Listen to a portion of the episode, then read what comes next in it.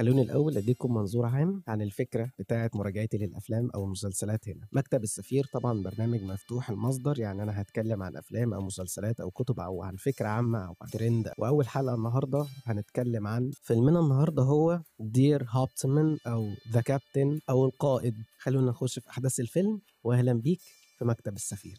طيب في فيلم البدلة بتاع تامر وأكرم حسني كانت فكرة الإفيه في الفيلم خد بدلة الضابط هو وخاله وراح عمل كمين تحت بيت صاحبته دي كانت فكرة الفيلم خدتهم الأحداث مع serial killer دي كانت فكرة الفيلم. فكرة الفيلم هنا مش كوميدية بالمرة فكرة الفيلم هي فكرة ثانية واحدة الفيلم ده فعلا عن شخصية حقيقية اتعمل عليها الفيلم ده فأي فكرة في أحداث الفيلم هي حاجة حصلت بالواقع مع التغيير الدرامي العادي بتاع السينما عادي واللي فعلا بتصور بشاعة فترة الحرب العالمية الثانية على الفئة دي من العمر وهي فئة الشباب من بعد 16 سنة لحد ما بعد ده وهي فكرة التجنيد. في الفترة دي في الحرب العالمية الثانية كان حرفيا كل من تم سنه 16 سنة سواء دي بتعالج المصابين وده بيروح يحارب في الحرب. يفقد جزء من أعضاء جسمه يفقد حياته عموما والتانية نفس الكلام تفقد عمرها وحياتها لحرب حرفيا خسرانة سواء كانت مش هتكلم الحرب العالمية برضو. وبعدين خلينا نرجع لأحداث الفيلم. كان بيوري لينا انعكاس لعقلية الجيش الألماني في الفترة دي فترة آخر أسبوعين من الحرب العالمية الثانية والفترة اللي كان بيخسر فيها الجيش الألماني. في الفترة دي كان كل الجنود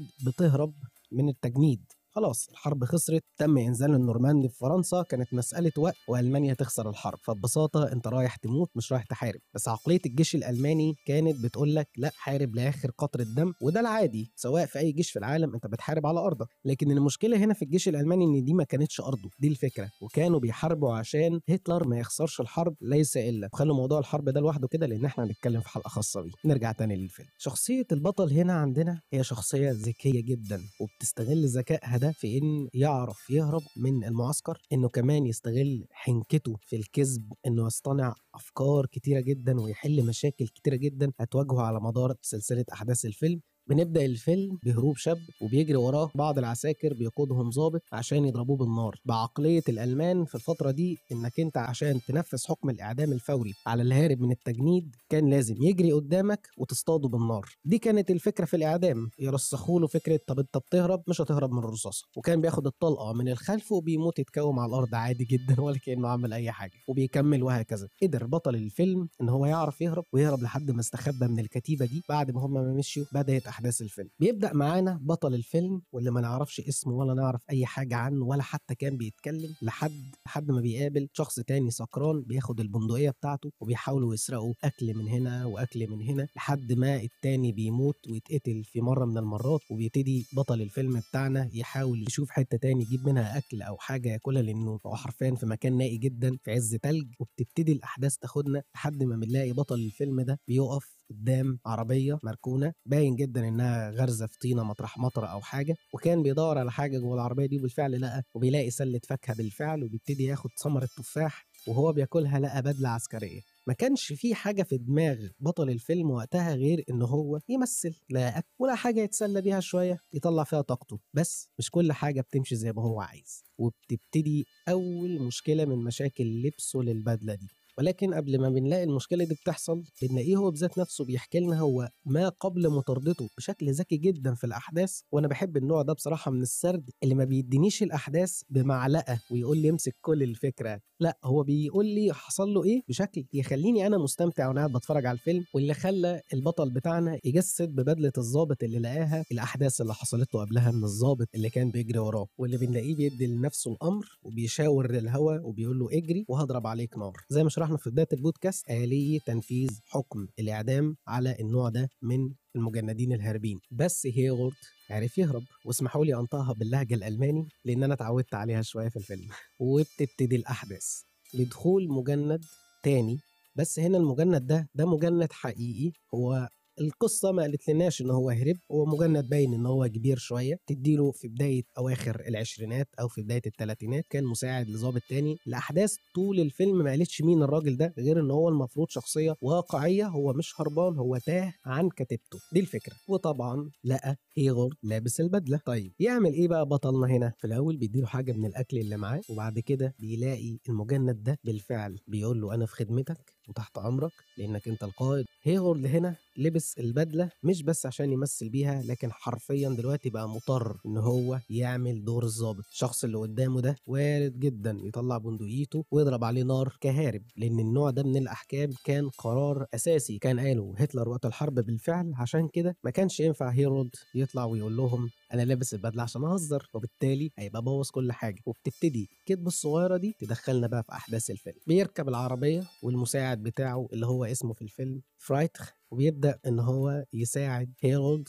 وبصراحة أنا هعمل jumping للأحداث عشان في مشاهد كتير جدا مش هحب إن أنا أحرقها عليكم لأنها من الأفضل إنك أنت تتفرج عليها. ما علينا بنوصل للأحداث لبطلين الرواية لحد دلوقتي. الاتنين هيدخلوا قرية الاتنين جعانين جدا الاتنين محتاجين أكل. طيب يعمل إيه هيرولد عشان يقنع صاحب المطعم أو الكافيتيريا أو الكافيه اللي دخلوا عليها فجأة في قرية ما عشان يقول لهم إن هو ظابط حقيقي وياخد منهم أكل برضاهم وهم كمان اللي يعرضوا عليه ده. طيب هيرولد اقنعهم إزاي؟ اقنعهم ببساطة بحجة إن هو ظابط جاي في مهمة سرية جدا لإعادة توزيع الموارد على القرى النائية اللي زي دي. حلوة قدر يقنعهم؟ آه قدر يقنعهم. بحنكة ما بيقدر إن هو يقنعهم فعلا. وبيجي هنا بقى المشهد من المشاهد العبقرية في الفيلم. هيرولد هربان وجعان أكتر من التاني. فرايتخ بياخد الأكل بالفعل وهيرولد بيستلم الأكل. في مشهد عظيم بنلاقي هيرولد بياكل بالشوكة والسكينة زي القادة بالظبط. وبنلاقي الناحية التانية في الخلفية اللي وراه فرايتخ قاعد بياكل بشراهة وشراسة غير طبيعية جدا في الأكل لدرجة إنك أنت تحس عامل زي الأسد اللي ما صدق لقى حاجة ياكلها بعد شهر من غير أكل. نفس الكلام عند طباع هيرولد اللي برضه ما كانش من فترة أكل سخن ونظيف وبالكمية اللي تخليه يشبع. لكن بكل ذكاء وهدوء لأن هو متراقب من الناس اللي حواليه خصوصا صاحب المطعم أو صاحب المكان اللي هو قاعد فيه لازم ياكل زي النبلاء. طيب رد فعل هيرولد وهو قاعد بياكل. طيب هوصف لك وصف أنت نفسك هتحسه. لما أنت بتبقى مصدع أو إنك أنت عايز تشرب قهوة تعمل كوباية قهوة كده على مزاجك بتلاقي نفسك بعد ما بتاخد أول بق بيجي لك كده رعشة في جسمك شوية. هنا بيبدأ جسمك بإفراز المادة اللي أنت كنت محتاجها. نفس الكلام لما بتكون جعان جدا وتاكل بشكل هادي بتلاقي جسمك عمل رعشة كده. هنا أنت ترضي شهوة الأكل اللي جوه جسمك وبتخلي جسمك يكون جاهز في استقبال كمية أكل كان محتاجها بقاله كتير. بس فعلا المشهد عظيم جدا وبحبه جدا في الفيلم وكان مشهد كده جنبه هنشوفهم مع الأحداث. خلصنا المشهد الجميل جدا ده في تصويره وإخراجه وتمثيله من الشاب هيرولد وهنا بقى بنطلع لباقي الأحداث. بعد ما خلصوا أكلوا راحوا وريحوا وقابلهم كمان موقف من الأفضل إنك أنت تتفرج عليه. بان جدا دموية وجدية هيرولد فيه. وبعد كده راحوا المدينة تانية تاني يوم. بعد ما راحوا المدينة التانية هنا هنقابل شخصية أنا بشوفها هو البطل التاني أو التالت بعد فرايتخ في الفيلم. الشخصية دي شخصية مجند. ما أظنش إن اسمه اتذكر بشكل مباشر لأن أنا ما لاحظتوش بصراحة. لكن الشخص ده هو برضه هارب من العسكرية ولكن كان قاعد في المدينة دي هربان وبيخش عليه هيرولد في مطعم برضه. هيرولد وفرايتخ هيفضلوا يتنقلوا من مدينة للتانية عشان يبحثوا عن أكل لكن بعد ما لقوا الكتيبة دي قاعدة هيرولد فكر فيها بذكاء قدر يجند الكتيبة اللي كانت قاعدة هربانة دي وفعلا يضمها لحاجة اسمها فرقة هيرولد الفرقة السرية الخاصة بمهمة سرية جاية من هتلر شخصيا. ده كان السكريبت اللي مكتوب لهيرولد في دماغه عشان يقدر يجند دول ولكن في جندي واحد ما كانش مقتنع بكلام هيرولد خالص. هو عمل إيه بقى بعد كده؟ هنشوف ده في الأحداث. المهم عشان ما نطولش في الموقف ده كتير بياخد هيرولد الكتيبة دي ويبتدي بقى يتنقل إحنا عايزين نعمل حاجة أعلى. هيرولد لازم يفكر في حاجة أعلى. بياخدهم ويقرر إن هو يدور على معسكر قريب ويجندهم هناك وهو بالمرة يلاقي أكل وشرب أكتر ويتعامل معاملة أحسن. وفي طريقهم بيقابلوا كمان ثلاث جنود أو أربع جنود معاهم مدفع وياخدهم للكتيبة بتاعته ولكن العربية تعطل. وهنا بنشوف أعظم مشاهد الفيلم المشهد اللي يستحق فعلا يكون البوستر الرسمي للفيلم. وهو مشهد هيرولد في العربية بتاعته ووراه المدفعية مربوطة في العربية لكن مش ده المشهد. المشهد ما قبل عربية هيرولد. العربية عطلانة. هي ماشية إزاي؟ العربية ماشية بالمجندين اللي بيزقوها بالحبال من على كتفهم بالفعل. فضلوا ماشيين بيها فترة طويلة لحد ما المجند إياه اللي كان شاكك في هيرولد. فاكرينه؟ البطل الثالث للفيلم. رايح أموت هيرولد. خصوصا إن هيرولد كانت البدلة كبيرة عليه. باين جدا إن هو مش الظابط ودي الملاحظة اللي خلت المجند ده فعلا يقتنع تماما إن هيرولد جاي بيمثل عليهم. لكن بتنقذ هيرولد الكتيبة اللي جاية. ومشهد الكتيبة ده برضه مشهد بيبتدي فيه الدخول في عمق الأحداث. فكرة الفيلم من وجهة نظري بدأت تترسم مع تسلسل الأحداث. باين جدا إن الفيلم بيخلينا نشوف تحديات أكبر لهيورد بطل الفيلم تكبر التحديات أكتر فأكتر. يعني في البداية لازم يقنع مجند واحد إن هو ظابط. بعد كده لازم يقنع مطعم إن هو ظابط. بعد كده لازم يقنع قرية كاملة بكتيبة إن هو ظابط. لازم يقنع بقى دلوقتي كتيبة الجيش الرسمية اللي معاها قائد رسمي ولازم هيغولد يطلع ورقة إثبات الهوية وورقة إثبات المهمة خصوصا إن ضابط الجيش ده شاف لبس المجندين الهربانين دول. يا إما هيعدمهم فورا أو هياخدهم المعسكر ويعدمهم هناك. يعني لازم هيغولد يتصرف تصرف مش صح بس ده صح بعبقرية كمان. هيولد كان قاعد في العربية لما لقى الكتيبة دي بتوقف الجنود بتاعته. ومش طبيعي إنك أنت ما تطلعش إثبات الهوية لما يطلب منك. يعمل إيه هيولد استخدم فكرة عامة عن الكذب وهي فكرة إن الكذاب لازم يكون عنده حاجتين أساسيين. الحاجتين دول هما ذاكرة قوية جدا والجراءة. هيهولد بيتمتع بجراءة عالية جدا. إن هو قدر يقف قدام الضابط ده لما قال له أنا عايز بطاقة إثبات الهوية قدر هيغولد يبلفه في الكلام. يعني إيه يبلفه في الكلام؟ يعني هيغولد وقف الضابط وقال له ببساطة كلمة السر. أنا في مهمة رسمية من القاده العليا وهي هتلر شخصيا ودي كلمة السر للأسف. وهنشوف معنى كلمة السر دي في الأحداث أكتر لما نقابل أكبر مواجهة هتقابل هيغولد بالفعل في الأحداث. لكن خلينا دلوقتي في رد فعل الضابط اللي واقف قدام هيغولد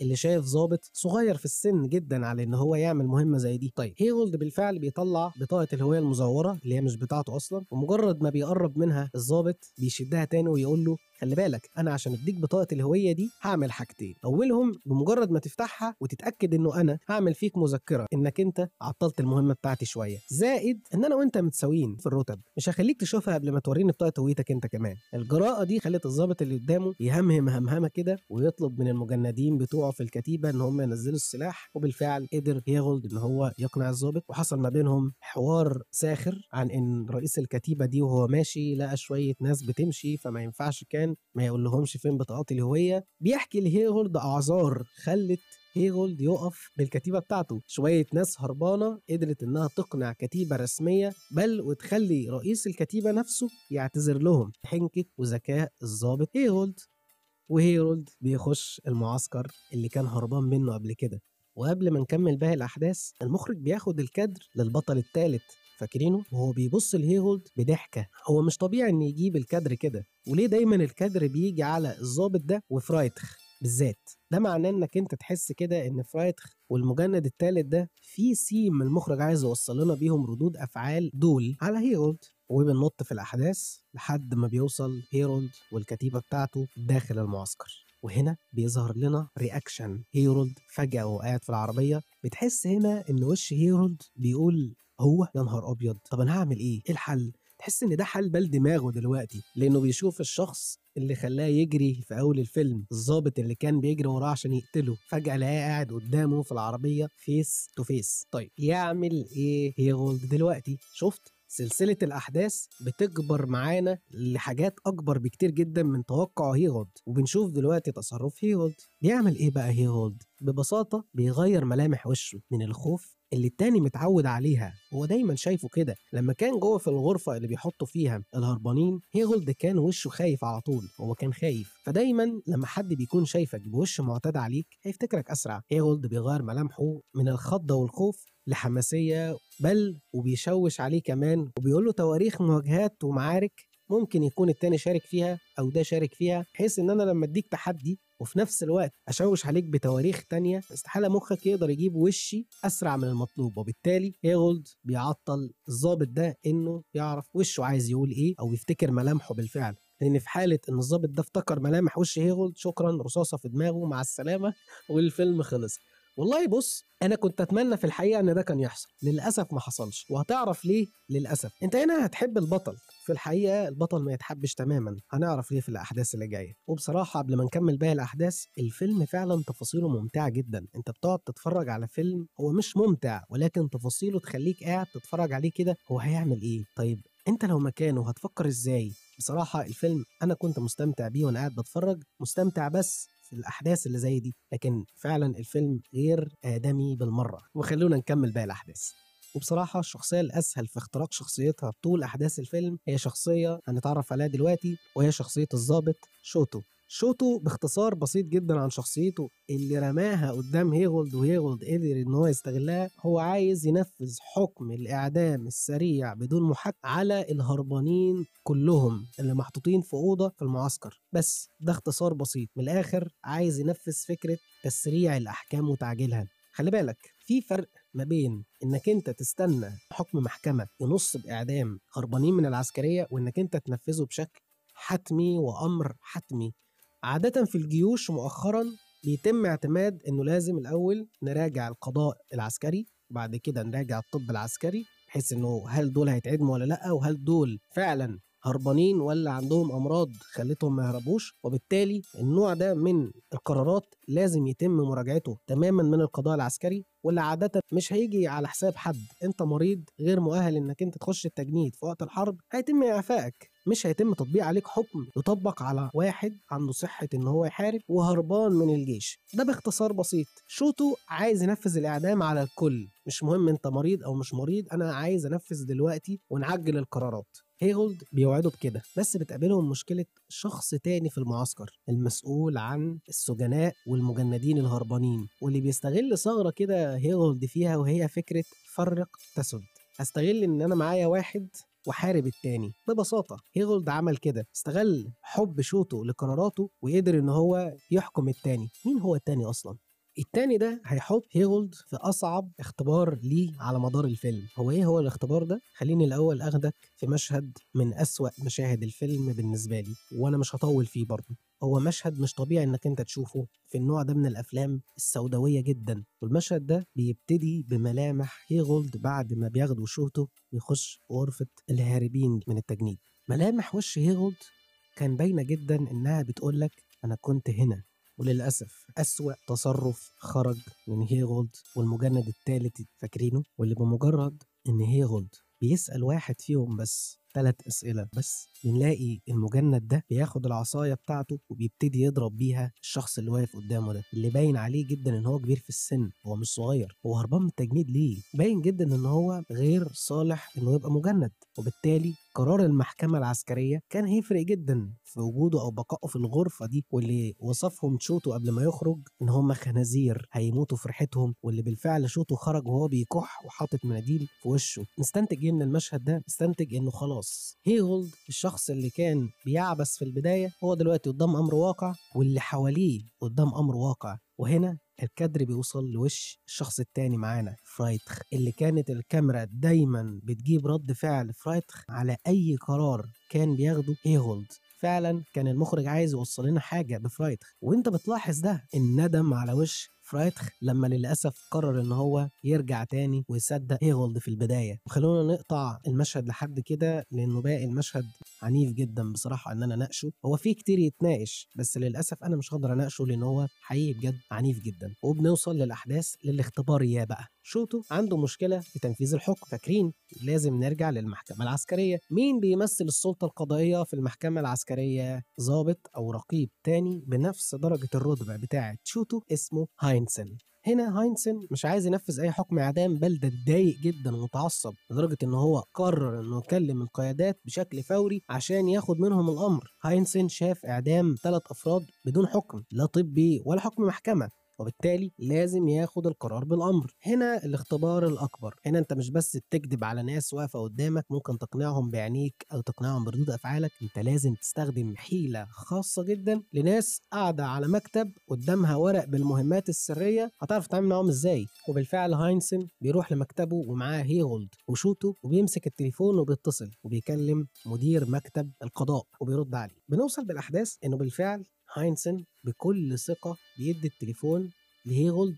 اللي هاينسن متوقع تماما إن هيغولد كذاب وبيرد هيغولد بثقة وثبات مش طبيعية وبيشرح كمان تفاصيل المهمة وهنا بيعمل إيه بقى عشان يثبت إنه كلامه صح من غير ورق. بيدي التليفون لشوتو وشوتو بيقول فعلا أنا بثبت أحقية هيغولد في المهمة وبالتالي خلاص هو هنا كلم ضابط فعلي في المعسكر اللي هو مين؟ شوتو وبالتالي أثبتنا أحقية وجود هيغولد في مهمته الرسمية اللي جاية من هتلر وهنا بتتقال كلمة السر للمرة التانية هتلر. بعد ما اللي في التليفون بيسمع كلمة هتلر بيقول له أرد عليك كمان شوية. هيغولد بيخرج غضبان وبيروح للأوضة التانية اللي هي بتاعت شوتو وشوتو بيعمل مكالمة تانية بيثبت فيها برضه أحقية وجود هيغولد في مهمة رسمية. بيوصل مكالمة لهاينسن الدكتور بيقول له إن هو فعلا في مهمة رسمية وليه حق التصرف الكامل. هنا هيغولد بقى رسميا ظابط في مهمة رسمية. خلاص الموضوع اتوافق عليه وما بقاش في حد دلوقتي هيراجع هيغولد في أي قرار هياخده بعد كده. وأنا مش هطول في أحداث الفيلم أكتر من كده قوي يعني بس في فرق في فرق إنك أنت تكون عنيف بس وإنك أنت تكون عنيف بدموية. ده الفرق ما بين شوتو وهاينسن لكن شوتو للأسف ما كانش عنيف بس شوتو كان عنيف ودموي واستغل ده يغلط وهاخدكم لآخر سلسلة أحداث الهاربين عشان مش هحب إن أنا أتكلم في القصة دي لأنه في جزء كامل بعد كده خاص بإعدام الهاربين دول وطريقة دفنهم كانت إزاي وطريقة قتلهم اللي كانت للأسف ما كانتش برصاص حتى دي كانت بمدفعية اللي بتضرب بيها الطيارات. ومش هتكلم عن المشهد أكتر من كده. خلينا نوصل تاني عشان الموضوع ما يبقاش ممل أكتر للأحداث اللي بعد كده. والحدث ده اللي هختتم بيه الفيلم في مراجعتي النهارده وهو مشهد بصراحة بيفكرني بمشهد ل Breaking Bad الخاص بهانك لما كان واقف مع والتر وايت وهما بيحطوا الشنط في العربية. فالشنطة كانت تقيلة قوي على هانك فهانك بيسأل والتر هي الشنطة دي فيها إيه؟ فولتر بص له بصة وقال له فيها ملايين أو فيها فلوس أنا مش فاكر الكلمة بالنص فهانك بص له بصة برضه وضحك. هانك في الفترة دي كان بيدور على هايزنبرج اللي هو كان والتر وايت وبمجرد ما الشنطة دي كانت تتفتح فعلا أو إن هانك كان يصدق إن فيها فلوس كانش هيبقى فيه أجزاء تانية بعد كده. بس دي الفكرة.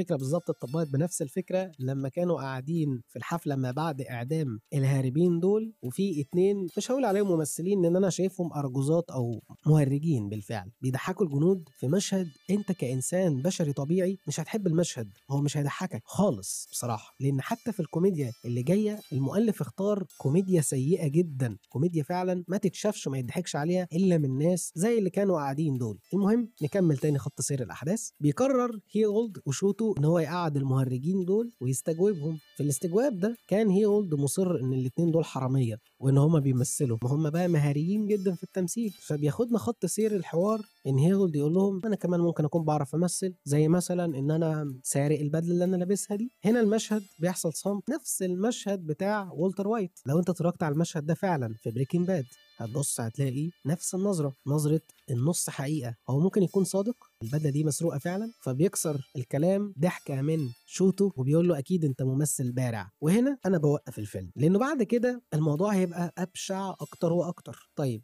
في أحداث تاني بعد المشهد ده؟ زي ما قلت قبل كده أه في أحداث تاني في بتاع حوالي ربع ساعة كمان من الفيلم. لكن هي عنيفة شوية وما فيهاش مشاهد مهمة قوي غير مشهد إعدام الضابط الثالث البطل الثالث لو فاكرينه من هيغولد. بعد كده مشهد المحاكمة. مشهد إعدام الضابط الثالث ده هو ما جاش من فراغ هو في قصة وراه لكن أنا مش هحب إن أنا اراجعها بصراحة. وبرده مش هحب إنك تتفرج عليها لأنها فعلا ملهاش لازمة. هو بس من الآخر بيقول لك إنه التاني خد حاجة هيغولد كان عايزها وبالتالي نفذ عليه الحكم بطبيعة البشر إنه كان عايز حاجة وهيغولد كان عايزها فالتاني خدها منه وبالتالي هيغولد ما ينفعش يكون عايز حاجة والظابط التالت خدها. وهنفضل ماشيين بالخط الطفولي ده لحد ما هيغولد يعدمه. مشهد المحكمة. هيغولد خلاص دخل المحكمة والمفروض دلوقتي إنه بيتم استجوابه عشان خلاص قرار إعدامه هينزل لأن هو مجرم حرب. قرار المحكمة هنا غير القرار الحقيقي. قرار المحكمة في الفيلم أصدر حكم بإيقاف التنفيذ يعني زي براءة كده على هيغولد كان كلام المدعي العام قدام القاضي هو إن هيغولد آه نصاب وهربان وكذاب لكن استخدم العقلية الألمانية الصحيحة. هيغولد بعد كده بيمشي على عظم وأشلاء كأنها مقبرة جماعية بيجسد فيها مخرج الفيلم مشهد النهاية بعبقرية. في الحقيقة بقى قصة الشخص ده ارتكب الجرائم دي وعشان كده قلت في البداية إنه للأسف الضابط اللي كان بيجري وراه في أول الفيلم ما افتكروش ورحم عدد كبير جدا من الناس اللي ماتت بسبب هيرولد في جريمة حرب أعدم فيها هيرولد في الحقيقة. هيرولد خد قرار بالإعدام بالفعل من المحكمة الألمانية. طيب تقييم الفيلم على IMDb هو 7 و4 من 10 يعني من وجهة نظري هو التقييم ده تقييم جميل جدا على فيلم حرفيا دموي بامتياز. فيلم ما ينفعش يتفرج عليه أقل من 18 سنة. والله واقل من 21 سنة وأقل من 30 سنة كمان. لما فيه من عنف بجد. الفيلم سادي جدا. الفيلم مش ممتع تماما. ما فيهوش أي كوميديا غير الكوميديا السوداء اللي أنت ممكن تضحك على رد فعل هيرولد بعد ما ضحك عليهم مثلا في كذا حاجة. غير كده أنت حتى مش تضحك على أي حاجة ولا على المشهد اللي كان فيه أساسا اتنين بيحاولوا يضحكوا الجنود أنت مش تضحك تشوفهم كلهم بيضحكوا. أنت نفسك ممكن تضحك لمجرد الضحك الخفيف كده لمحاولة الاستمتاع بالفيلم. أنت فعلا هتحس إن النكت هي مش بايخة هي مش نكت. فاهم الفكرة؟ ولحد هنا هنقف وأقول لك بس كده. حقيقي نورتني جدا في مكتبي مكتب السفير وأتمنى إنك أنت ما تكونش مليت مني في نص الأحداث وهحاول مع الوقت إن أنا أتطور في السرد ونتطور مع بعض في الآراء وأتمنى برضو إن الفيلم ما يكونش دموي قوي عليك. ما تنساش تعمل الحاجات الحلوة اللي إحنا متعودين عليها like follow لو بتسمعني من منصة فيها follow subscribe لو بتسمعني من منصة فيها subscribe وتقول لي رأيك أو فيلم عايزني أراجعه وشكرا إنك أنت كنت قاعد بتسمعني. السفير محمد عبد الحميد.